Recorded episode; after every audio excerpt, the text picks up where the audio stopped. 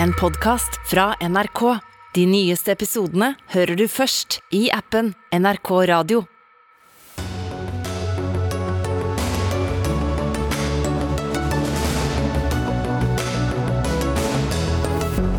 Heller ikke i dagens reviderte nasjonalbudsjett kom det penger til vikingskipene. Vår sårbare kulturarv er i fare, advarer en underskriftskampanje. Unge mennesker er overvurdert. Vi kan ikke overlate store avgjørelser til dem, mener en advokat. Det provoserer AUF, som mener det er de unge som kjenner dagens problemer best. Cruiseskipdebatten seiler inn i Dagsnytt 18. På høy tid at Norge tar et oppgjør med denne parasittiske, miljøfiendtlige formen for turisme, mener en jurist. Og vi later som om konfirmasjonen handler om Gud, men egentlig er det mammon, mener en førsteamanuensis. Løsningen hans hev konfirmasjonsalderen til 18 år. Slik lyder noen av overskriftene i dagens Dagsnytt 18 ved roret Sigrid Solund. De ble enige til slutt, regjeringspartiene Arbeiderpartiet og Senterpartiet og budsjettpartner SV. Etter tre uker med forhandlinger har landene fått et revidert nasjonalbudsjett. Kari Lisbeth Kaski, finanspolitisk statsperson i SV. Hva er de viktigste forskjellene på dette budsjettet som dere har fått påvirke, og det forslaget som regjeringa la fram? Vi var jo ganske en, uh, ærlige da, da regjeringa la fram sitt forslag til revidert budsjett 12. mai, at vi mente at det ikke tok Norge i riktig retning, verken på miljø, på omfordeling eller uh, på internasjonal solidaritet som følge av de, de store kuttene på utviklingsbudsjettet. Og I så måte så har vi jo tatt veldig store skritt fremover her, fordi at her er det krystallklare gjennomslag på miljøfeltet som vil kutte klimagassutslipp og som tar vare på mer natur.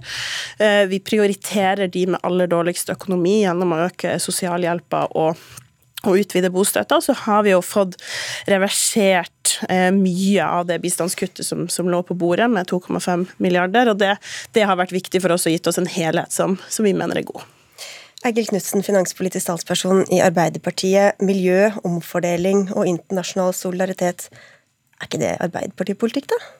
Jo da, og jeg syns vi har eh, fått til eh, en god avtale med SV nå, som eh, ivaretar de tre partiene veldig godt. For vår del har det vært en hovedprioritering nå også å ha en ansvarlig pengebruk. At vi sørger for at ikke vi legger ytterligere press på renta. Eh, regjeringen kom med et godt opplegg 12. Eh, mai, eh, som, som vi har jobba med i en hel måned i Stortinget, som, som, har blitt et godt resultat. Men hvorfor trengte dere SV for å, kjøre, for å føre god arbeiderpartipolitikk? Nei, Vi trenger ikke SV for å føre god arbeiderpartipolitikk, men vi forhandler med SV i Stortinget. Regjeringen la fram et veldig godt opplegg 12. mai, som bl.a. inneholdt gode satsinger på velferd. Vi kutter karensår i arbeidsavklaringspengene, satsing på havvind, for å nevne noen saker. Og samtidig et veldig økonomisk ansvarlig opplegg som har vært viktig viktig eh, for oss. Og så har vi forhandla. SV har fått eh, noen gjennomslag, og det er helt naturlig som budsjettpartner. Norge skal vise solidaritet med mennesker i nød og gå foran i kampen mot fattigdom og sult. Kjenner du formuleringen? Ja da. Den er fra Hurdalsplattformen. Ja. Og Hvordan er det å kutte drastisk i bistandsbudsjettet? Hvordan er det å gå foran i kampen mot fattigdom og sult? Ja, med regjeringens opplegg og forslag så ville utenlandsbistanden ha økt med nesten 1 milliard fra 2021 til 2022. Så regjeringens opplegg var godt. Eh, og så eh, viste SV tydelig at de ønsker enda mer eh, penger på bistand. Det har de fått gjennomslag for. Nå har vi et veldig godt opplegg, men det regjeringen la opp til, var altså en økning i bistandsbudsjettet utenlands på nesten 1 milliard kroner fra i fjor så det var et rekordhøyt bistandsbudsjett, det også. Hvorfor var det behov for å plusse på da, Kaski?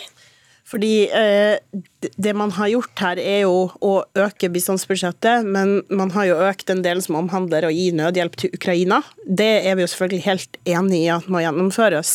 Og vi må også ta imot de ukrainske flyktningene som kommer til Norge, men vi må ikke finansiere det ved å ta fra andre mennesker i nød. Og det er det regjeringa foreslo. Og det er en helt særskilt stilling vi står i akkurat nå. Altså verden er i krise. Det er begynnende sultkatastrofer. Eh, vi merker, mange merker konsekvensene av økende matvarepriser, drivstoffpriser. Og det igjen, kommer igjen til å innebære mer sosial uro, frykter vi, og humanitære katastrofer. Så, så, dette var ikke tida for å kutte i bistandsbudsjettet. Nei, så dere fikk eh, skal vi si, gjort kuttet mindre. Dere har også fått gjort uh, tilbake på noe av kuttet, eller eh, omleggingen når det gjaldt elbiler. Men samtidig så har dere både nå i denne omgangen og i forrige omgang vært veldig tydelige på at dere ikke vil ta noe sånn ryddejobb etter regjeringa. Men er ikke det dere har gjort her, da?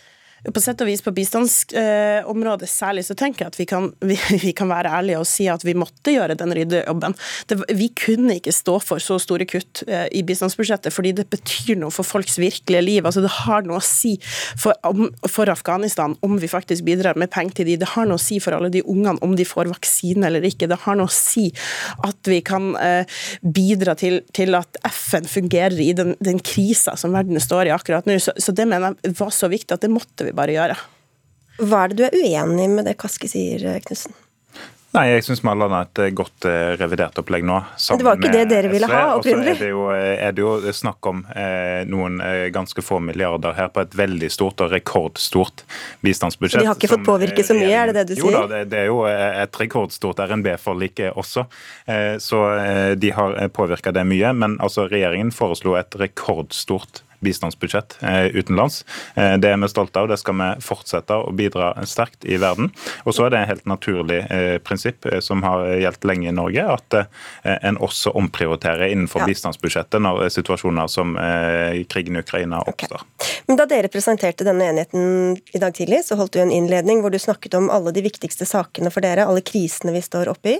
Klimakrisen ble ikke nevnt. Hva sier det om Arbeiderpartiets prioriteringer? Jo, det er en viktig sak for oss. og Jeg nevnte også eh, havvindsatsingen. Du sa havvind, men du sa ingenting om klimapolitikk jo, eller klimakrise? Jeg, sa det også, eh, fordi at eh, havvindsatsingen som regjeringen nå er i gang med, gjør vi fordi vi skal både skape jobber og kutte utslipp.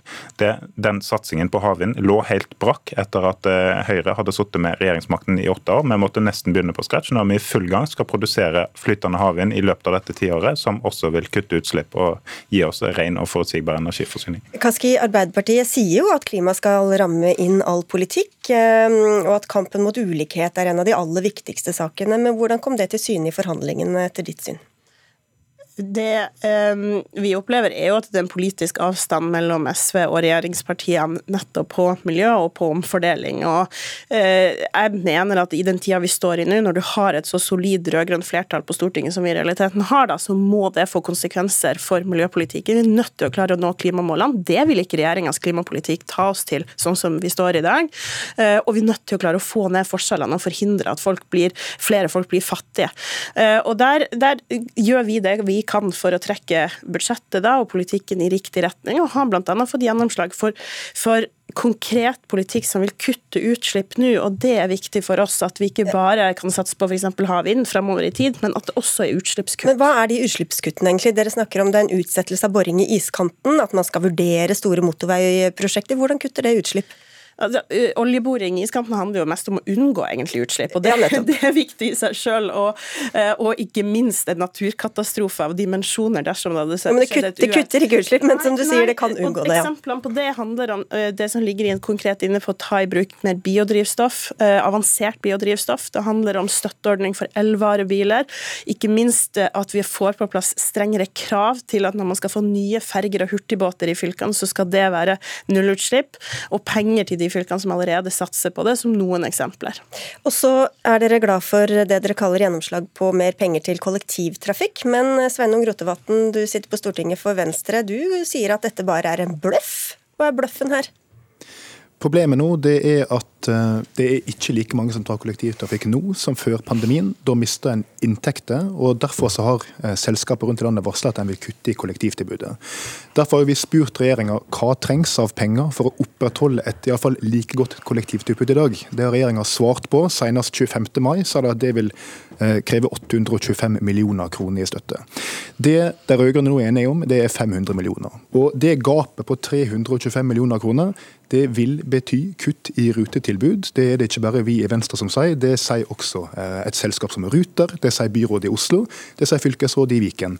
Og Det er et stort problem i en tid der biltrafikken nå øker, den går ikke ned. Og etter ti år med økning i passasjertallet i kollektivtrafikken, ikke minst takket være gode borgerlige budsjett, så er beskjeden for regjeringa nå direkte i RNB at den må tilpasse seg en ny hverdag og ta ned tilbudet i kollektivtrafikken. SV har fått inn noe penger, det er fint, men den er ikke i nærheten av å være der en trenger å være. Eh, og Venstre foreslår i debatten som blir i Stortinget på fredag, bevilge atskillig mer til kollektivtrafikken, slik at vi klarer å ikke bare opprettholde tilbudet, men kutte prisene og styrke tilbudet. For det første så, så, var jo det som lå på bordet fra regjeringspartiene, det var at kompensasjonsordninga for, for tapte billettinntekter for kollektivtrafikken skulle avsluttes 1.8. Eh, det ville ikke ha kommet noe kompensasjon overhodet, hadde ikke SV tatt denne kampen i, i, revidert budsjett.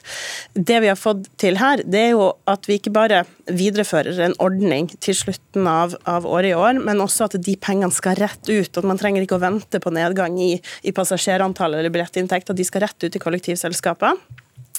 Eh, og det vil innebære, mener jeg, med de store summene som, som vi har lagt på bordet, så det er en halv milliard på med kortere tid enn de pengene som vi bevilga for våren eh, som var nå, at vi vil forhindre rutekutt. Jeg er rimelig overbevist over det, fordi de pengene går rett ut nå.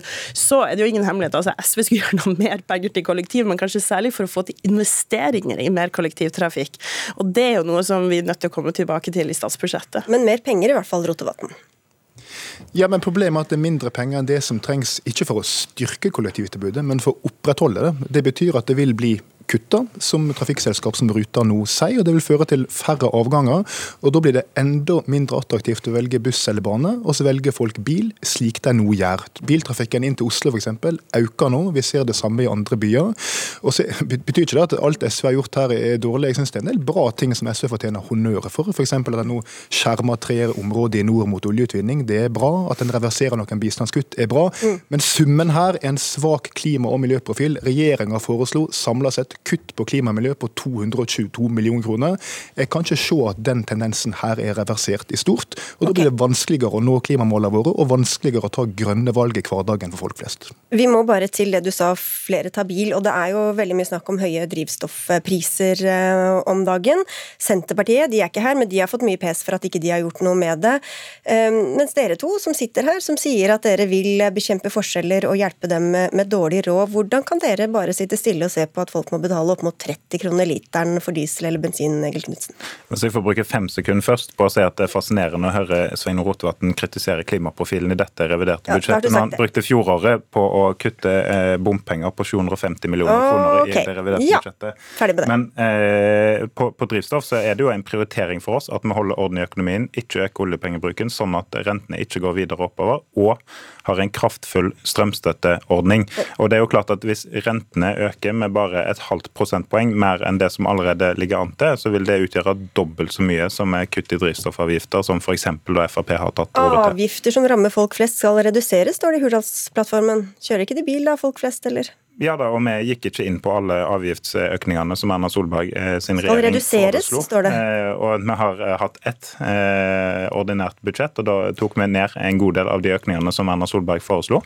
Og så er det utrolig viktig at den, i den situasjonen vi er i nå, med rekordmange i jobb i Norge, når økonomien går på høygir, at vi også holder orden i økonomien. Ikke bruker men, Jo, men dere reduserer jo andre. Altså, dere gir gratis ferje til noen, dere reduserer elavgiften, men lager ikke det press i økonomien, da?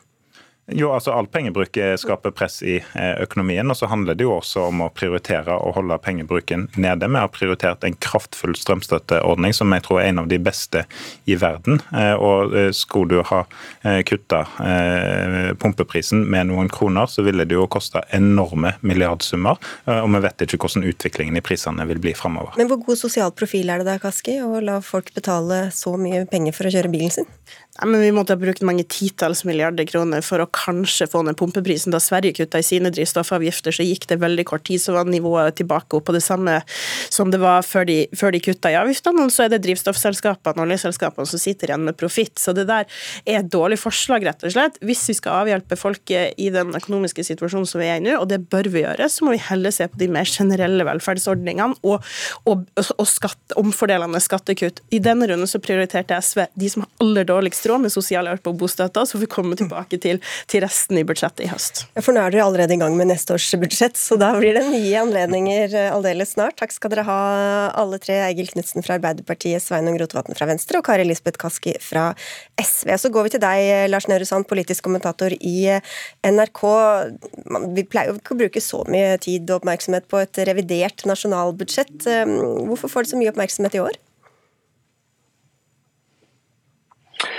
Både fordi det handler om eh, statens eh, oljepengebruk og hvordan staten skal balansere det med din og min lommebok. Eh, derfor har mange venta på om regjeringen gjør tiltak for å hjelpe den jevne nordmann, eller vanlige folk som de selv sier, med middels og lave inntekter gjennom en, et år hvor det blir prisstigning og veldig mange viktige varer vi er avhengig av blir dyrere. og for oss. Og eh, Derfor har det jo vært en ekstremt eh, spesiell interesse rundt hva som eh, vil skje av justeringer på det statsbudsjettet som ble vedtatt før, før jul. Når vi spør om drivstoffpriser, så er svaret renter. Hvorfor valgte de ikke å gjøre noe med de høye diesel- og bensinprisene i år? Men Det er jo pga. renta da, og pga. de privatøkonomiske eh, følgene av det. Det en regjering som nå går eh, det er rentemøte veldig snart, og, og, man kunne risikert å få en politisert debatt om hvem som da hadde skylden for eh, dersom renten da vil øke enda mer enn det man har eh, varslet på forhånd. Eh, det, jeg tror enhver regjering vil merke eh, kritikk i de saker som handler om lommeboka vår. og selv om det nå i lang lang tid har vært varslet at eh, både eh, vanlige folk og den norske stat går inn i en ny epoke dette tiåret her hva gjelder eh, pengebruk og hva gjelder utsiktene fremover, så har det nå gått fra å være en sånn teoretisk ting litt frem i tid, til å være noe som rammer nå. Da ser vi at det er vanskelig for en regjering å beholde populariteten på meningsmålingene, rett og slett fordi folk forventer mer. og Man har, man har vent seg til at det går bra, at staten stiller opp. Eh, ekstremt under pandemien, selvfølgelig. Og nå skal vi tilbake til en, egentlig ikke den gamle normalen, men en ny normal. Eh, staten må holde igjen, og da er det upopulære valg som må tas. Pengebruken må tas ned. Og det rammer den som eh, til enhver tid sitter med makt, vil jeg tro, i årene fremover. Og akkurat nå er det Arbeiderpartiet og Senterpartiet. Og så måtte de jo til SV da, for å få dette budsjettet i havn. De sier de har prioritert knallhardt på omfordeling og på miljø og klima. Hvor store seire har de fått? Det er åpenbart at eh, SV har brukt eh, mest tid på å forhandle inn denne endringen i bistandsbudsjettet, som har vært veldig viktig for SV, og hvor det også har vært en, en sjelden hard kritikk og, og, eh, av, av, Norges regjering fra internasjonalt hold. Fra miljøer som ikke er så veldig vanlig at, at går inn i norsk politikk på den måten FN for eksempel, og FN-systemet har gjort her så er også nok også jeg, de siste ukene, og dette har jo tatt litt tid, at eh, SV og regjeringspartiene er mer uenige om hvor de skal hente pengene, enn hva de skal bruke dem på. og Det er det som har gjort at dette har eh, dratt ut i tid. og Det er også det som har gjort at eh, SV har fått stempelet på de sidene i boka de har, og ikke på, på hele smørbrødlista si. Takk skal du ha for at du var med, Lars Nehru Sand.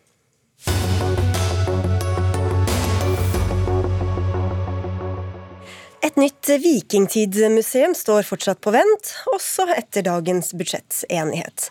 I flere år har ekspertene sagt at det haster å redde vikingskipene og andre gjenstander, men heller ikke i det reviderte nasjonalbudsjettet kom det penger til å bygge nytt museum. Nå har underskriftskampanjen Redd vikingskipene fått over 11 000 underskrifter. Kampanjen ble startet av deg, Marie Amundsen, du er førstelektor i arkeologi, konservering og historie ved Universitetet i Oslo. Hva var det som fikk deg til å starte kampanjen?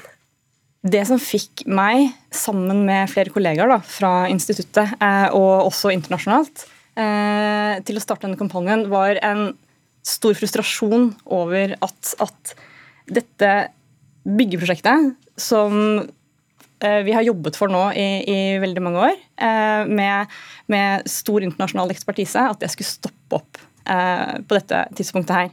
Og ikke da minst frykten for at skipene eh, og gjenstandene skulle brytes ned. Men også det aspektet at publikum og turister og barn og alle oss andre skulle miste den tilgangen til skipene. Um, og responsen på denne her kampanjen, den kom. Men med en sånn overveldende kraft som, som vi ikke har turt å håpe på engang. Eh, for jeg hadde jo tenkt at vi skulle få kanskje sånn 500 underskrifter. Skulle si meg veldig fornøyd hvis vi klarte 1500. Men nå, vi sjekket det før vi gikk inn her nå, den er kommet på over 12 000 nå. Min introduksjon var allerede foreldet. Yes. Men hva, er det så, hva er det som haster så fælt for både skipene, men også disse andre gjenstandene? Eh, sånn som de står nå i eh, den museumsbygningen vi har nå, så blir de ikke godt nok ivaretatt. Og um, det vi faktisk står i fare for nå, det er at skipene kan falle sammen. Eh, og gjenstandene. Og jeg var jo omviser på, på museet for ti år siden. og da jeg hadde med meg liksom sånn grupper rundt ved Gokstadskipet der. Når det kommer til enden, så kunne man da se sånne små lysstråler som kom gjennom en av bordgangene. Og for hvert år som har gått siden da, så har de hullene bare blitt større og større og større.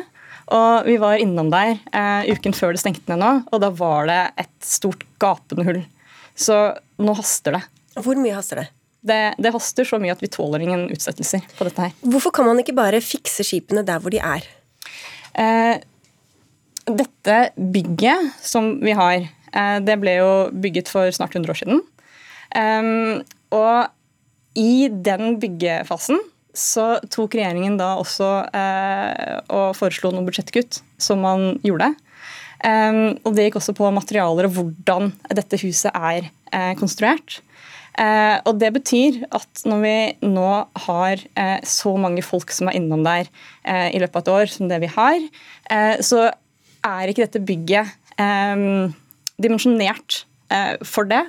Eh, og det er heller ikke eh, godt nok med tanke på eh, klima for skipene og alt dette her. Så de, de, står rett og slett på litt ustø grunn der hvor de er nå. De trenger eh, bedre vern. Oddmund Løkkenskar Hoel, du statssekretær i Kunnskapsdepartementet. Hvorfor setter dere ikke av penger til dette? Vi har satt av penger til det her. Eh, Stortinget har satt av det som nå etter prisjustering er 2,4 milliarder til å bygge et nytt museum. Eh, og det eh, som har skjedd nå, som gjør at det var nødvendig å ta en liten stopp, det er at alt før bygginga begynte, så viste det seg at kostnadsoverslaget sprakk med ca. 1 milliard. Så det var da helt nødvendig for oss å Eh, gå gjennom det prosjektet for å se hvordan, kunne, hvordan en kunne få en skikkelig økonomistyring på det, og et prosjekt som vi visste hvor mye kosta. Det er den lille stoppen vi tar nå, og vi jobber med prosjektet. Men det er ikke noe tid til noe stopp, hører vi her? Nei, altså det, Hvorfor det her har tatt så lang tid før, det er jo for mange tiår uh, det her prosjektet har tatt. Det var jo eh, forrige, altså den forrige rød-grønne regjeringa som satt i gang. og Hvorfor det har tatt så mange år imellom, det må nesten andre enn oss svare på. Det vi gjør nå, det er å ta noen uker, kanskje et par måneder stopp, bare for å få skikkelig grunn under prosjektet. Eh, og det er vi helt nødt til. Vi kan ikke bare si tut og kjør, her, eh, vær så god, vi har ikke noe budsjett, begynn å bygge. Det er ikke sånn vi kan drive eh, styringa av offentlige byggeprosjekt som viser seg å sprekke gang etter gang. Men vi deler jo helt og fullt det Marie Amundsen sier om hvor viktig det her er, at det haster, at det er en helt fantastisk kulturarv som vi skal ta vare på, og det kommer til å bli et nytt vikingtidsmuseum. Ok, jeg Håper det er noe trevirke igjen da når det museet kommer. Svein Stølen, du er rektor ved Universitetet i Oslo, dette museet ligger da innunder dere. Hva syns dere om hvordan regjeringa har håndtert dette? Ja, vi er veldig glad for det som har kommet ut av denne erklæringen mellom eh, Senterpartiet, SV og Arbeiderpartiet i dag. Så har de sagt at vi skal videre. Jeg tror det som er viktig nå, er at vi ikke tar noe stopp. Fordi vi vet nå at vi har to alternativer som er akseptable, som kan gi et uh, vikingtidsmuseum som er moderne, som sikrer samlingene, og som kan ta imot én million besøkende hvert år. Så dette er jo en kjempeturistattraksjon for hele Norge, Norges viktigste kanskje. Så jeg tenker at her er det bare å, å gå videre med dette grunnarbeidet. Det er vi opptatt av. Og så er vi jo helt enige at vi må inn og se økonomien i dette, og vi skal være ansvarlige. Men nå må man ikke gjøre den tabba man har gjort siden 1880, hvor man hele tida har klart å utsette og utsette og utsette, og vi har ikke klart å gi dette skipet en sikker havn. Og Der kan vi stå igjen hvis vi ikke rasker oss på. Regjeringspartiene står jo helt og fullt bak det som ble sagt i budsjettforliket. Det her haster. Vi må komme fort videre med prosjektet.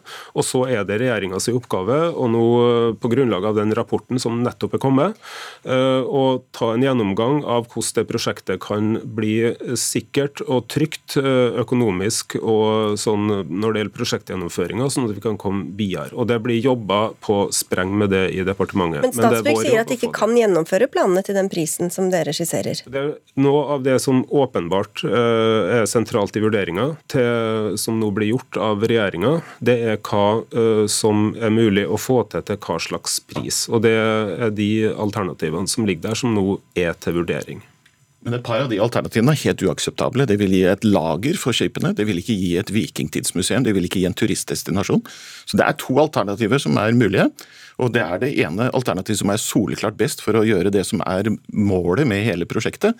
Og Det betyr at begge de alternativene så kan man fortsette å bygge ut der man allerede er i gang. Det å stoppe opp nå er helt unødvendig. Jeg tror at Men Hvis man har ventet i hva blir det, 140 år, så kan man kanskje saktens vente et par uker til? eller? Jeg, jeg tror at, at, man skal ikke undervurdere hvordan disse skipene står. De står altså på tynne pinner. Det betyr at det er spenninger der hvor disse pinnene møter skipene. Disse sprekkene øker hele tiden. Vi kan ikke garantere at disse står i 2027 når, når, museet står ferdig. Vi håper det. Men det er altså ingen tid å miste. Og Denne diskusjonen har vi hatt altså siden 1880. Første gang man fikk pengene i 1898, så fikk man penger til Historisk museum med én forutsetning. Man skulle ikke ta vare på Tuneskipet og Gokstadskipet i det museet. Tilsvarende historie har vært gang på gang siden 1880. Nå tror jeg Norge må slutte disse, hva skal vi si, disse utsettelsene av et prosjekt som er ekstremt viktig for hele nasjonen. Dette er norsk kulturarv, det er europeisk kulturarv, og det er noe av det viktigste vi har. Ja, Hvis de ramler sammen under deres regjeringstid, Hol, så er det kanskje ikke det dere har lyst til å bli huska for? Nei, det er ikke det vi har lyst til å bli huska for. og det, Vi har heller ikke tenkt å sitte og se på at de skal ramle sammen. Uh, Men Hvorfor kan man ikke begynne å bygge da, og så kan man justere underveis? når man ser... Fordi vi er, vi er, nødt til å vite hva det her uh, faktisk kommer til å koste. Og vi er nødt til å ha et prosjekt som henger på greip. og Grunnen til at det nå ble en stopp, det er jo at det prosjektet var for dårlig utgreid. Uh, det var kompleksiteten i bygget og kompleksiteten i sikringa av samlingene var undervurdert. og Det er en vesentlig del av den sprekken. og Vi er nødt til å få kontroll på det og bruke noen uker, kanskje et par måneder på det nå, før vi går videre. Og Nesten hele budsjettsprekken handler altså om prisvekst pga. korona og Ukraina. ikke sant? Det er den store delen av denne prisveksten. Det er, det er viktig. Det er dessverre ikke sånn, eh, Svein Stølen, fordi at bare en fjerdedel av eh, den sprekken handler om eh, uforutsett prisvekst og korona. To tredjedeler av den sprekken handler om for dårlig prosjektering. Dessverre. Ja, nå har vi, Det er Statsbygg som er ansvarlig for det, så de er jo ikke her. Men hva med å flytte dem imens da, Amundsen? Går det? Nei. Det er det gjort uh, studier på. Vi, vi, kan ikke flytte de ut uh, fra museet sånn som de står nå. Så er, det er nødt til å bli bygget nytt museum eh, der hvor de er nå. Rundt eh, skipene? Nei, de, eller altså i en forlengelse av museet sånn som det er nå. Så er det et eh, storstilt arbeid med hvor skipene skal flytte sakte inn til der hvor de skal få sin endelige havn. Hvorfor ikke se på det som en investering, da, Hol, hvis dette kan bli en kjempestor turistattraksjon som kan tjene masse penger? Jo da, og det er jo det regjeringa gjør, og det er det Stortinget har gjort. Eh, det er ei investering, det er ei kjempestor investering. Eh, som per i dag har en prislapp på 2,4 milliarder og et uh, nytt kostnadsoverslag på 1,1 milliard over det. Og Det er ei stor investering som nasjonen Norge skal gjøre for å ta vare på den kulturarven i framtida. Det er to alternativer som er akseptable, så jeg er veldig skuffa hvis man nå tar en stopp. Grunnarbeidet er det samme uansett. Det kan gjøres fordi man må uansett finansiere dette museet. og Det er to alternativer som er akseptable. Så det er bare å begynne å bygge? Det er bare å begynne dette gravearbeidet som er startet. Det er ingenting å utsette. Og Så har man da tid i mellomtiden til å gjøre evalueringen av prisen på de to prosjektene som er mulig å tenke seg. Og De momentene Svein Stølen eh, nevner nå, er sjølsagt sentrale i vurderinga som òg blir gjort. Ok, Men ikke noe graving før dere er ferdig å planlegge? Det blir, eh, nei, vi må uh, ha den der eh, prislappen klar før vi ruller fram gravemaskina. Da stopper man et prosjekt som allerede er i gang, og det blir fordyrende. Dette koster ekstra penger. Ja, ja. Vi får se, da. Takk skal dere ha, alle tre, for at dere kom. Marie Amundsen, førstelektor, Svein Stølen, rektor, og Oddmund Løkenskar Hoel, som er statssekretær.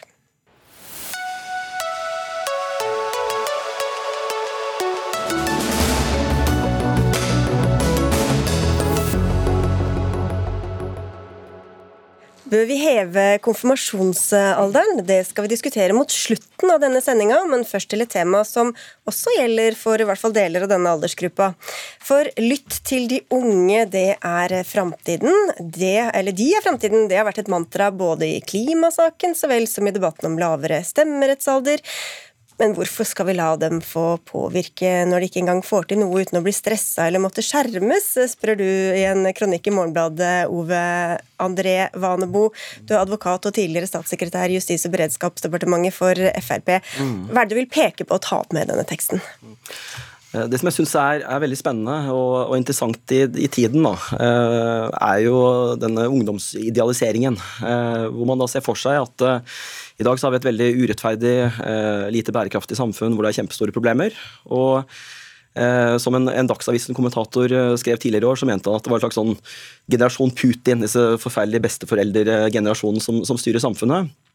Og Hvis man da bare fikk endret det sånn at uh, politikerne gjorde seg ferdig, som han påpekte, og som flere andre har sagt, at man får en slags neste generasjon som skal komme og er unge til sinns og rydder opp, så vil dette ordne seg. Uh, jeg har jo uh, hatt et formål om å begynne å pirke litt i det, fordi hvis det er tilfellet, så tenker jeg at da, da, må man på en eller annen måte kunne sannsynliggjøre det. Og Da begynte jeg å se litt nærmere. ok, Er det noe spesielt med ungdom? Er ungdom mer empatiske eller sjenerøse eller uh, greie på en eller annen måte som gjør at de eh, antageligvis vil skaffe en, en, mer bærekraftig, fredfull verden. Men, men, saken er at ungdom scorer jo mye høyere på de mer problematiske personlighetstrekkene, i snitt da selvfølgelig. Enten det er nevrotisme eller eh, narsissisme eller, eller, andre ting. og Det er, det er også sånn at sjenerøsitet og bry seg om andre omtenksomhet, det, det, ser ut til å øke med alderen. Så, så, jeg finner egentlig ikke noe som skulle tyde på at ungdom på en eller annen måte skulle, skulle skape et bedre samfunn på den måten. Også Tvert imot så har jo mange samfunn med en veldig ung befolkning er jo veldig konfliktfylt og har store problemer, selv om det er, det er veldig sammensatt. Mm. Ja, Vi kan jo gå til deg, Astrid Hoem. Du er leder for eh, AOF. Eh, nevrotiske narsissister, skal de styre verden?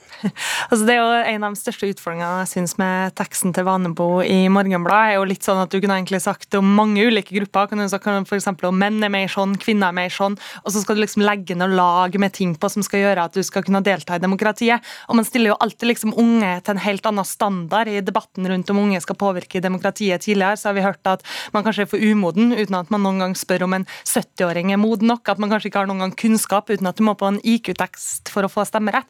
Og Da stiller man også unge til en helt annen type standard. Mens jeg mener jo at demokratiet nettopp skal være det at alle har mulighet til å delta i det, uavhengig av alder, uavhengig av hvor man kommer fra. Og de tallene man kan se på som skremmer kanskje aller mest, det er jo at unge har bedre kjennskap til f.eks. demokratiske prosesser i dag enn generasjonene før seg. De deltar mer aktivt i politiske ungdomsorganisasjoner og andre organisasjoner enn en generasjonene før dem, men samtidig så er man også mer bekymra for at sin stemme og sine muligheter til å påvirke mindre. Så det å bygge en sterk demokratisk beredskap handler jo også om at unge skal virkelig vite at det de har å si, og at man har muligheten til å påvirke politikken, sjøl om man er under 40. Ja, Man skulle jo tro at du var opptatt av individene, Vanebo, egentlig, og ikke gruppetenkning på den måten? Ja, det, det, er jo for så vidt, og det kan vi godt gå nærmere inn på, men mitt poeng er jo at eh, jeg, jeg syns det er veldig vanskelig å finne hold i disse påstandene om at bare man på en måte gir ungdom mer innflytelse og makt, så vil dette på en eller annen måte endre seg. Og som jeg påpeker, da, som jeg syns er veldig interessant, er at eh, Samtidig som man mener at ungdom av en eller annen grunn skal kunne endre samfunnet til det bedre, og eh, få flere rettigheter og mer makt, så er det eh, også en parallell diskusjon hvor man er veldig opptatt av at eh, ungdom i større grad er mer sårbare, har flere problemer, ikke skal utsettes for mer problematiske ytringer i f.eks. studiesituasjonen osv. Så, videre. så mitt poeng er jo at jeg opplever at dette er et slags paradoks. At på den ene siden så ser man den neste generasjonen som en generasjon som skal rydde opp og på en måte gjøre veien til et mye bedre sted, samtidig som man mener at dette er en, en generasjon som har så store utfordringer og problemer at man på en eller annen måte må, må skjerme dem og ikke kan avvikle eksamen fordi det vil skape mer stress osv. Det mener jeg er en veldig svartmaling av dagens ungdomsgenerasjon. og Det jeg kan være enig med Vanebo, er jo at man sier at eh, de voksne, hvis de kunne vært med på å styre samfunnet i enda mer riktig retning allerede nå, så er det jo ingenting vi heller vil at man kutter mer klimagassutslipp, at man sørger for at ulikheten går ned og mange andre ting. Men jeg tror jo at veldig mange unge føler at man lever i vår generasjons skjebnetid. Altså, vi har nettopp vært hjemme, eh, hjemme i to år under en pandemi, hvor regninga, den største regninga ble sendt til unge som ikke fikk deltatt på skoleavslutningene, sommerfestene, kanskje få sitt første kyss. Man kommer rett ut til at det er krig på kontinentet for første gang i min generasjons levetid. Og vi vet også at de store utfordringene vi står overfor, kommer til å falle på vår generasjon. Det er vanskelig å komme inn på boligmarkedet, det er vanskeligere å vite om vi kommer til å ha en trygg framtid, en trygg jobb å gå til. Og det er jo ikke så mye vi unge ber om heller, at vi også skal bli hørt og lytta til og ha makt i den type spørsmål. Både for vår framtid, men også for generasjoner. Men det er vel også at man ikke bare skal bli hørt, men også at det er vi, som du sier, det er, det er oss dere må lytte til. Uh, selv om man ikke har ferdig utviklet uh, hjerne, eller ikke har all verdens av livserfaring, kanskje, eller har større, mer psykiske problemer, som Vanebo var inne på. Altså, det er ikke utfordring i Norge i dag at uh, ungdom er overrepresentert. Altså, hvis man ser på kommunestyrene, så utgjør jo menn over 40 ca. 50% av kommunestyrene i Norge, selv om de utgjør en fjerdedel av befolkninga. Altså på den måten kan man snu på det og si menn over 40 har for mye makt, mens kvinner under 30 eller eh, unge under 20 har for lite innflytelse. Og det jeg mener er at i et effektfullt demokrati, så skal jo nettopp alle stemmer få være en del av det. Ha muligheten til å påvirke. Vite at man ikke bare kan være med på å lese om historien, men også påvirke historien. og Det må unge også ha samme muligheter til. Er voksne så mye bedre da, Vanebo? Altså, vi, vi, må vel anta at andelen som er mer modne, øker med alderen. Eh, og Hvorfor skal vi anta det, egentlig? Jo, fordi det bl.a. er evaluert. Altså, vi hadde et prøveforsøk i 2011 hvor man hadde 16 års stemmerett ved lokalvalg. Eh, og Da gjorde man en del undersøkelser på politisk modenhet. Og det man fant da, er at ungdom som er 18 år, har, har, klare større politisk modenhet i snitt enn 16-åringer. Og så kan man jo si sånn som AUF sier her, at ja, alder skal ikke bety noe, man skal tenke på, på individet osv. Men, men poenget er at det, det er jo vanskelig å, å, harmonere med det AUF gjør i praksis. for Hvis man mener at alder ikke betyr noe, så burde man jo fjerne aldersgrensen i det hele tatt. Og det er jo ikke sånn at Dere har foreslått at 16-åringer skal kunne stemme ved stortingsvalg, dere har kun foreslått det ved lokalvalg. Tar, så hvorfor har dere ikke foreslått det ved stortingsvalg? Okay, vi, vet du, vi, har, vi har så ofte disse stemmerettsdebattene. Så hvis vi tar litt mer det overordna som du er inne på. Hvis vi ser på den verden vi har rundt oss nå, da, med krig og klimakrise, hvor god test er det til de generasjonene som har fått styre nå? Ja, men da må, tenker jeg at da, da, må man finne holdepunkter for at uh, ting skulle blitt uh, substansielt annerledes uh, hvis unge hadde fått større innflytelse. Men det man har sett, da, uten at jeg skal gå inn på den stemmerettsaldersdiskusjonen, så, så, ser man jo at uh, unge i stor grad stemmer som, som snittet gjør ellers. Uh, så, så, hvis man hadde sett en, en, veldig stor velgervandring og store endringer der, så, så kunne jeg vel på en måte kjøpt argumentet om at ting ville blitt annerledes. Hvis man ser på sakene de er opptatt av, så er det jo litt annerledes, da. Jo, men da tenker jeg at da må man også la dette komme til syne i, i hvordan man uttrykker det osv. Det er jo ikke sånn at unge ikke, har, ikke har innflytelse i dag. Også altså, det er jo ulike former for ungdomsråd. og så er det jo sånn at eh, Ser man på Stortinget, så er jo eldre underrepresentert. Så poenget er at det, jeg tror det er veldig lett å fokusere veldig bestemt på én gruppe. Men poenget mitt, da, som jeg prøvde å få fram i, i Morgenbladet-kronikken, er at det, det, er veldig lite som tyder på at verden ville vært veldig annerledes eller bedre. Og der syns jeg ikke AUF kommer med så, så, mye substansielt. Der er det mer at ungdom er opptatt av det, men det betyr jo ikke at ting hadde blitt bedre, og det er mitt poeng.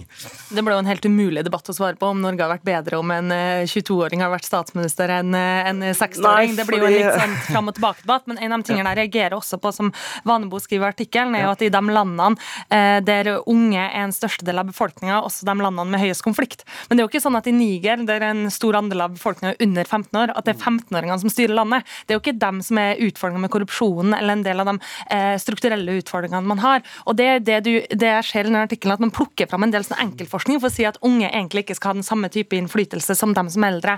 Jeg mener at det nettopp er et sterkt poeng at unge både skal bli lytta til, men ikke bare lytta til på en sånn måte så flink og ung du er, men faktisk ha påvirkning inn i politikken. Og det er en styrke, ikke bare for unge, mm. men også for altså, Det er ikke noe kausalitet der. Altså, hvis det er veldig mange unge, så er det fordi at levealderen er så lav. fordi at jo, kåren er så redd. Noe annet, og det, det, er jo at Ungdom er jo mer, mer grenseløse og, og, og radikale. og eh, Det ser man f.eks. På, på kriminalstatistikken, så er jo unge overrepresentert. og Det gjelder jo i alle samfunn. så Poenget er at det, det viser jo nettopp det jeg sier, at det er ikke, det er ikke noe veldig åpenbart at hvis unge bare fikk mer innflytelse, så ville ting vært annerledes. Altså, unge lyver også mer, det viser eh, undersøkelser i snitt i de fleste land.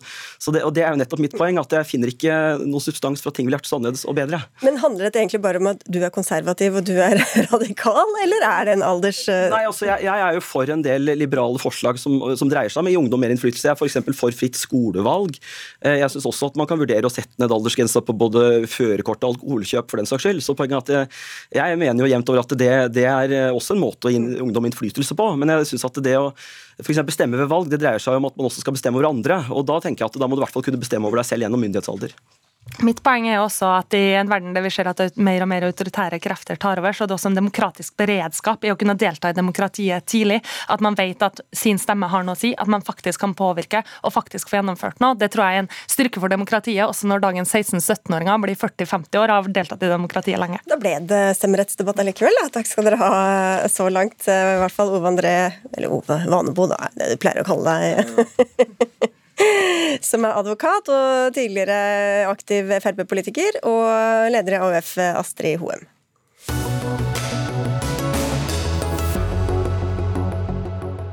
Etter et par nokså rolige pandemisomre, så er det duket for tidenes cruiseskipsesong i norske fjorder og havner. Flere hundre anløp er ventet eh, til de mest populære ankomststedene, som Geiranger og Bergen. Enkelte toppsesonger har flere enn fire millioner cruisepassasjerer gått i land i norske havner i sommerhalvåret. Men det er på høy tid at Norge tar et oppgjør med denne aller mest parasittiske og miljøfiendtlige formen for turisme, skrev du på NRK Ytring i helgen med tittelen 'Turismens McDonald's'. Bengt Waldov, du er styreleder i Cruise Not Welcome og er jurist. Ja. Hva er det som er så ille med cruisebåttrafikken i Norge? Alt er ille med cruisebåttrafikken i Norge. For det første så har du arbeidsforhold om bord som aldri blir akseptert på noen annen måte. Om det hadde kommet en turistbuss med 40 passasjerer og 15 filippinere som måtte sove i bagasjerommet og fått 19 kroner timen, så hadde vi aldri akseptert det. Det er det første. For det andre så er det miljøet. Det går absolutt ikke i hop å flytte rundt på et svært hotell fra havn til havn. CO2-regnskapet kommer aldri til å gå opp. Dessuten så fortrenger det andre typer turister, og så er det til plage for en del lokalbefolkninger rundt forbi. Nå sier jo min ærede motpart her at han syns det er veldig kjekt med sånne turister, men i Bergen, Stavanger og i alle fall også litt i Oslo, så er nok eh, opinionen ganske ja, mot turisme, tror jeg. I alle fall cruiseturisme. Du eh, konkluderer med at norske borgere sikkert heller vil leve i turismens Michelin-restaurant enn i turismens McDonald's. Da antar jeg at det er det ja. siste, som er cruiseturismen? Ja, og jeg tenker at vi må se på Norge som et slags butikklokale i en dyr gate. Regent Street, f.eks. Og så kan vi velge. Hva vil vi ha? Vil vi ha McDonald's, eller vil vi bo i en skikkelig restaurant? Jeg syns det er et godt bilde. jeg. Hvorfor det? Nei, fordi at eh, vi, vi, kan velge. Vi kan velge hva turister vi vil ha i Norge, men hvis du skal drive en McDonald's-restaurant, så kan du ikke drive den i samme lokale som du driver en Michelin-restaurant. For da er det ingen Michelin-kunder som vil komme inn på en McDonald's og sette seg ned og spise Michelin-mat på en McDonald's-restaurant. Og det er det vi har gjort. Rederne har gjort Norge til turismens McDonald's allerede. Det er jo sånn at eh, de fleste de, på, de, spiser på båten, og så går de litt eh, i land. Eh, Olv Grotle, du sitter på Stortinget for, for Høyre fra Sogn og Fjordane. Men vil du ha McDonald's, eller vil du ha god restaurant? Ja, først må jeg si det er litt av en breiside min, min, min sidemann her har kommet mot cruisenæringa. Uh, Verfta er kjeltringer, rederier er kjeltringer. Passasjerene er senile sauer, og en latterliggjør aktivitetene både om bord og, og, på land. Og så hevder en at ikke det er verdiskapning, eh, og at eh, disse turistene er forhatte. Det er ikke riktig. Og Jeg kan tegne opp et bilde med en gang. Eh, I fjor så var jeg i, i Flom i Sogn. Da var det ingen turister der. Heller ikke cruiseturister. Eh, det var et trist syn. Det var et trist syn for de eh, nesten 30% som bor i, Flåm som arbeider med, fulltidsturisme. Eh, og for en god del av de turistene som er i Flåm, er, er altså cruiseturister.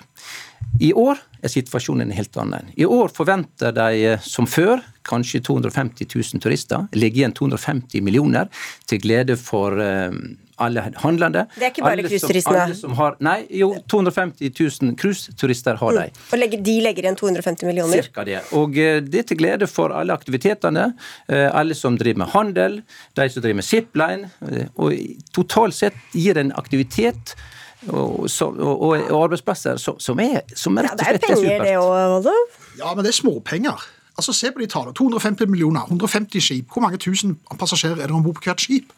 Altså Hvis du regner det ut, så blir det småpenger. Backpack-turister legger igjen mer penger enn en cruiseturist. Hvis du har en cruiseturist, så kan du, to, kan du ha en halv backpacker.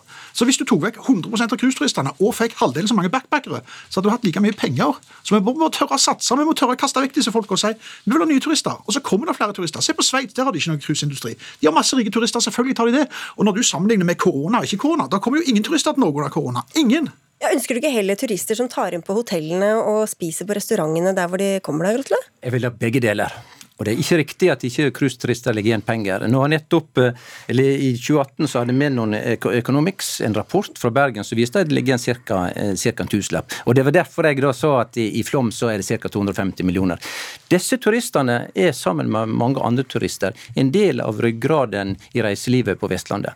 Og De som sier at dette ikke står for verdiskapning, de har ikke vært i Flom. de må ta seg en tur til Flom, de må reise til Stryn eller andre plasser, i, eller andre plasser i, i, på Vestlandet som nettopp har den type turister, og som, og som ønsker deg velkommen. Altså, Disse bransjetallene det er bare tullball. Nå tok vi en liten undersøkelse i Oslo, bare sånn for gøy, liksom, for å se hva vi faktisk finner ut om hvor mye penger de faktisk brukte. Og De brukte altså 129 kroner i snitt, i tillegg til at de gikk på disse hop-on, hop-off-bussene, som bare er en pest og en plage for alle som bor her. Så de bruker faktisk ingen penger. og Disse tallene her de er bare oppblåste fra bransjen. Det er bare tull. Det er ingen som bruker 1000 kroner som jeg bor på en, en cruisebåt. Absolutt ikke. De kjøper til og med troll og suvenirer om båten, for det er momsfritt. Du, du, nevnte jo flere elementer her. Um, arbeidsforhold var én, med miljø og klima var én. Vi har med oss deg også, Rolf Sandvik. Du er administrerende direktør i Northern Explorer AS. Du må ta på deg hodetelefonene her, Grotle. Du har selv erfaring som kaptein på et cruiseskip. Nå har du lagt planer om en helt ny type cruiserederi. Hvordan skiller det seg fra den cruisetrafikken vi hører om her? Nei, altså Vi har jo sett på det som kommer av reguleringa i eh, framtida, altså 2026-vedtaket spesielt, som en stor mulighet for eh, et mer eh, bærekraftig cruiseprodukt. Det er morsomt å høre alt dette, for vi generaliserer jo cruisenæringa veldig. Cruisenæringa er like forskjellig som det en backpacker som kanskje går på glamping, og en seksstjerners uh, hotellgjest gjør kontra en uh, tostjerners innlosjerende. Så jeg tror vi må være veldig sånn, kritisk til hva slags cruiseturisme vi vil ha i fremtida. Det tror jeg er en viktigere debatt enn cruiseturismen generelt. Jeg har også sittet seks år i styret i Flom, så jeg kjenner den destinasjonen ekstremt godt. Og det er en veldreven, velfungerende destinasjon som har et enormt potensial. Men igjen, altså vi må diskutere størrelsen. Og ikke minst se på hvordan vi kan tilrettelegge for mer bærekraftig cruiseturisme i fremtida. Hvor, eller, hvor, om noen, har eh, Valdov poeng da, syns du? Jeg syns han har eh, mange gode poeng. Men igjen, dette er jo satt på spissen for å nettopp skape en debatt som vi har i dag. Eh, og Den ønsker jeg veldig velkommen igjen for å differensiere hvilke cruisegjester Norge bør tilby eh, et eh, knapphetsgode, som den norske naturen faktisk er for mange reisende, og ikke tilby det til absolutt alle. For det er mulig å ha to tanker i hodet samtidig. Det er en næring som er så gjennomregulert som jeg overhodet ikke kjenner meg igjen i den beskrivelsen. Men samtidig så ser vi at det er aktører her som i alle andre industrier som kanskje ikke følger regelboka helt ut. Du skal altså drive med nullutslipp, men Norge er jo nå blant de landene i Norge som har størst utslipp fra cruiseskipet Grotle. NOx-utslippene, altså de lokale utslippene, er større enn hele bilparken. Mye større. I tillegg kommer klimagassutslippene. Hvorfor bekymrer ikke det deg mer? Det er nettopp en av de tingene som vi nå kan gripe fatt i. Det er nettopp når vi ser starten på det som kan bli et, et eventyr, så går nettopp dette at vi kan kutte ut eh, vi kan kutte utslippene. Og så skal ikke jeg snakke mer om flom, men jeg må få lov til det. fordi Stortinget har sagt at Du, skal, du skal ikke snakke mer om det, men du skal nei, snakke om det? I, 26, I 2026 så har Stortinget bestemt at eh, det skal kun være utslippsfrie eh, fartøy i de to verdensfjordene våre. Eh, og så kan jeg kanskje da nevne Geiranger. da. Eh, og, og, og, det, og Samtidig har Stortinget sagt at vi skal ha cruise. Det betyr at nå framover blir det et kappløp. Blir det et, et stort press, et, stor, et, stort fokus på nettopp å få eh, redusert disse utslippene. Vi er opptatt av at vi skal utvikle, ikke ikke avvikle eh, cruisenæringa. Eh, og hvis vi ser på det som nå skjer innen grønn skipsfart, hydrogen, eh, LNG-batteri, ferjer, hurtigbåter Det skjer enormt mye. Men vi er ikke i mål. Men vi må, vi må forbedre ikke forby. Men Det gjelder jo bare verdensarvfjorden. da, Det er jo ganske mange cruiseskip andre steder også. Men Sandvik, hva slags, du sa man må velge hva slags turister og hva slags cruisetrafikk vi vil ha. Hva skal vi ville ha? da? Hva slags kriterier bør ligge til grunn? Nei, jeg tror det at man bør se på totale regnskapet i forhold til både utslipp og hva passasjerene legger igjen, er et eh, ekstremt viktig moment. Eh, vi etablerer ikke kun McDonald's eh, rundt forbi på alle destinasjonene vi har i Norge. Vi har masse gode matprodukter rundt forbi i Norge. så Utvalget her og kundene som vi ønsker å tiltrekke, skal jo nok gå på disse Michelin-restaurantene som vi snakker om. Og Her er eh, hvordan vi både markedsfører eh, Norge og selger Norge ut, svært, svært viktig. Mm. Ok, ja, Valdov, en slags uh, mellomløsning her, eller? Ja, men altså, cruiseindustri er basert på at du har et svært flytende hotell som du nødvendigvis må flytte fra A til B. Allerede der så går ikke CO2 opp. Uansett om du lager det med hydrogen, så går det ikke opp, for du må lage den elektrisiteten som skal lage hydrogen. og Det å tro på hydrogenskip er bare tull. Miljø, altså Wonder of the Seas, RCCL sitt nyeste og verdens største cruiseskip. Det går på flytende asfalt. Det er det, det, det produkt som du har igjen når du destillerer petroleum, som ingen andre vil ha. Men hvordan er det bedre at folk flyr dit, da?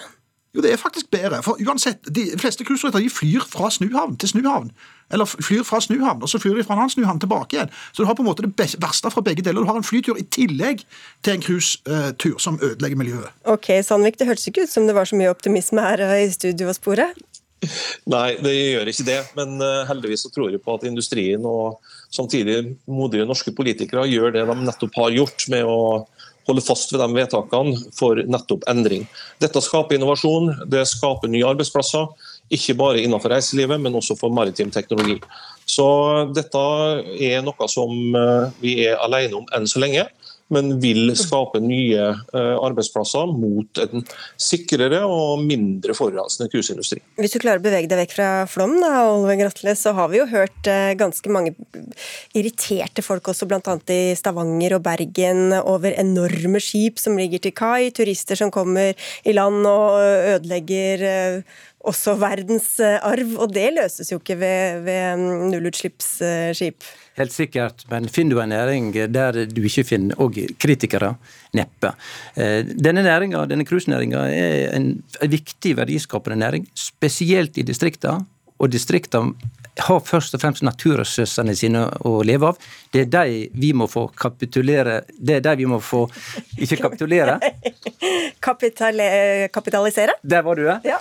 Og, og, og da må, men da må vi utvikle næringene. Mm. Vi kan ikke forby dem, enten det nå er i Flom eller andre plasser. For å slippe til en siste sint eh, bemerkning her. Ja, nei, Det går ikke. for man, altså Det er basert på et CO2-regnskap som ikke går opp. og så er det disse, tillegg disse arbeidsforholdene. Hva med disse stakkars filippinerne som jobber om bord? De får 19 kroner timen. De må jobbe i tre timer for å få til en kopp kaffe i, i en havn. Det er helt grusomt. Og i tillegg, rederne rekrutterer eh, mannskap fra de landene som gir lavest erstatning når de dør om bord. Det er en utrolig kynisk bransje, okay. og det er et viktig poeng i dette her. Vi har ingen fra den bransjen her, så jeg får stanse deg eh, ja. der. Og så får vi si tusen takk for eh, debatten.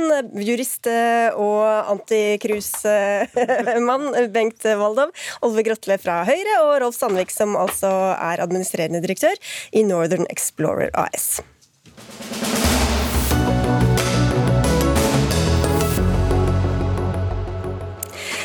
Konfirmasjonssesongen går mot slutten for titusenvis av 14- og 15-åringer, men er de egentlig for unge til å tre inn i de voksnes rekker, som det heter? I et intervju med Vårt Land tar du til orde for å øke konfirmasjonsalderen til 18 år, Svein Erik Tuastad, du er statsviter og førsteamanuensis ved Universitetet i Stavanger. Hvorfor er det en god idé? Altså, Det vi skulle hatt, det var en stor og fin myndighetsfeiring for alle der, der russ, det som i dag er russefeiringen, møter det som vi gjør under konfirmasjonen. For, for i, altså, i, dag så er konfirmasjonen sånn som den var for 40 år siden når jeg ble konfirmert. Og det er litt sånn et, et narrespill der man later som man er veldig opptatt av Gud og e-, etikk og sånn, men så er det egentlig bare for å cashe inn de pengene. Det er liksom for mye voksent og for lite action. Og så samtidig så har vi egentlig et stort problem med russen som egentlig har gått helt sånn eh, av skaftet. Og der det er behov eh, for mer etisk refleksjon. Så, så, så det vi, dette er jo liksom vinn-vinn hvis den etiske refleksjonen i konfirmasjonstida og den der liksom Nå er vi voksne-ritualet til russen møtes i, en, i, i, det som egentlig var en mer sånn nasjonal eh, ritual, overgangsfeiring av alle disse flotte ungdommen som liksom nå kan være, komme ut og være med i demokratiet som uh, samfunnsborger. Så, så, så det, det, det, det, er to feil som kan løses med, flytte, med bare et enkelt grep, hvis vi hadde fått det til. Jan Christian Kielland, du er avdelingsdirektør for kirkefag og økumenikk, økumenikk, i Kirkerådet. Jeg antar at du ønsker debatten eh, velkommen, eh, så har vi sagt det. Men hva syns du om forslaget? Um, nei, det er, det er, spennende å snakke om uh, nye ideer til hvordan kirka kan møte mennesker. Og så uh, syns jeg ikke det er helt rett å angripe konfirmasjonen sånn den er i dag. Da. Uh, vi ønsker gjerne å være mer til stede for 18-åringer. og Vi møter også unge mennesker på andre måter enn gjennom konfirmasjonen, gjennom samtaletilbud. Vi er på russetreff. Vi har ikke minst studentprester og feltprester som møter nettopp de unge menneskene som opplever at mye står på spill med identitet og relasjoner når man blir voksen. Men det å møte dem bør ikke være et argument for å ta bort eh, det gode som vi har bygd opp i møte med 14-åringer og 15-åringer, hvor jeg er litt usikker på hvilke kilder Tuastad bruker. Om man har vært på en konfirmasjonsgudstjeneste eller om man har fulgt et konfirmantopplegg i Norsk kirke som går gjennom et år, som inneholder minst 60 timer eh, undervisning og samtaler, som ofte inneholder sosiale ting. Altså, her møter vi unge mennesker, vi bygger tillit, relasjoner, får til viktige samtaler i den fasen av livet. Ikke sant? Hvorfor, hvor, ja, Tuasa, kom igjen. Nei, men, men det, det, er to uh, ting uh, her. og det, det en, Et viktig spørsmål er jo egentlig hva taper dere på hvis det, hvis det flyttes fra 14-15 år og opp til 17-18 år? Altså, Vil ikke der ungdommen være mye mer mottakelig? Det vil være en alder der de etter hvert begynner å finne identitet, og, og de etiske refleksjonene som òg dere tilbyr. Men da skal man jo også feire 18-årsdag, og man skal feire russetid. og Hvor mye tid og ressurser blir det igjen til å, å drive med konfirmasjon da?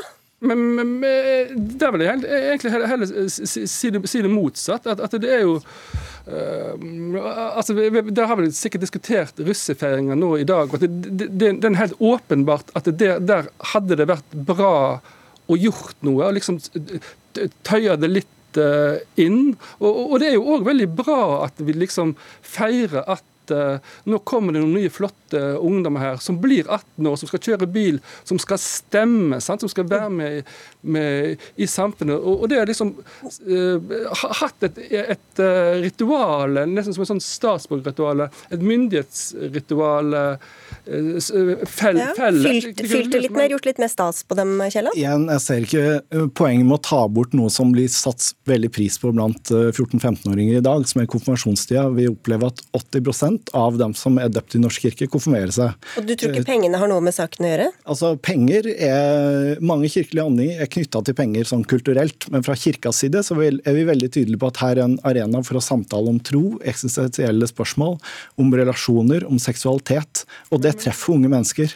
Eh, og det er en viktig fase i livet, på, på vei fra barndom til ungdom. Det er en sårbar fase. Det er en fase med kaos, opprør, leite etter egen identitet. Akkurat da de da, trenger det, Tuasta? Da trenger vi I den forvirrende puberteten. Og det igjen, eh, jeg vet ikke hvilke, hvilke kilder Tuasa har. Du syns det er litt mer moderne konfirmasjonsundervisning Vi møter unge mennesker på en annen måte enn for 40 år siden. Med all respekt så syns jeg det er litt, uh, litt usaklig å sammenligne med 40 år siden. da. Se på tallene. Eh, hvilke trender som går ned, og hvilke tall, tall som går opp. Og Dette handler jo egentlig om at kirka skal rekruttere på feil måte premiss. Sant? At det, det, er egentlig for mye mammon og for lite Gud, egentlig.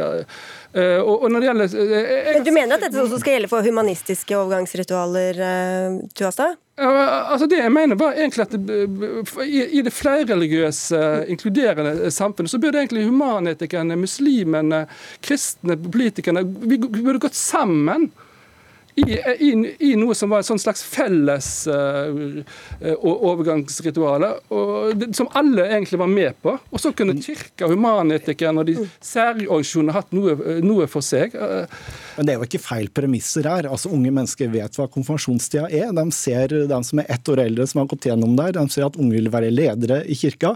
De ser at det her betyr noe. Og så er selvfølgelig Konfirmasjon er også knytta til penger, og det ønsker vi som kirke å kommunisere noe av annet om. Det er vi veldig opptatt av. Men ungdom vet hva det er for noe, og det kommer til kirka. Og hvert år så er det faktisk ca. 1000 unge mennesker som velger å døpe seg for å bli konfirmert. Og det sier noe også om at det vi tilbyr, det treffer, og det lager et rom for samtale om liv og tro. Og det skal vi fortsette med, for det er så bra. Ja, Det hadde vært fristende å spørre om du ikke tror bare alle konfirmasjonspengene vil bli brukt på russebuss, Tuastad, men det rekker du ikke å svare på. Beklager det. Takk skal du ha for at du var med i Dagsnytt 18, og takk til deg, Jan Christian Kielland. Sendingen er over for i dag. Gro Arneberg hadde ansvaret for innholdet. Ida Larald Brenna var teknisk ansvarlig. Mitt navn er Sigrid Solund.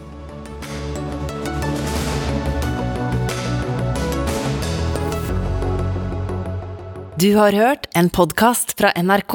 De nyeste episodene hører du først i appen NRK Radio.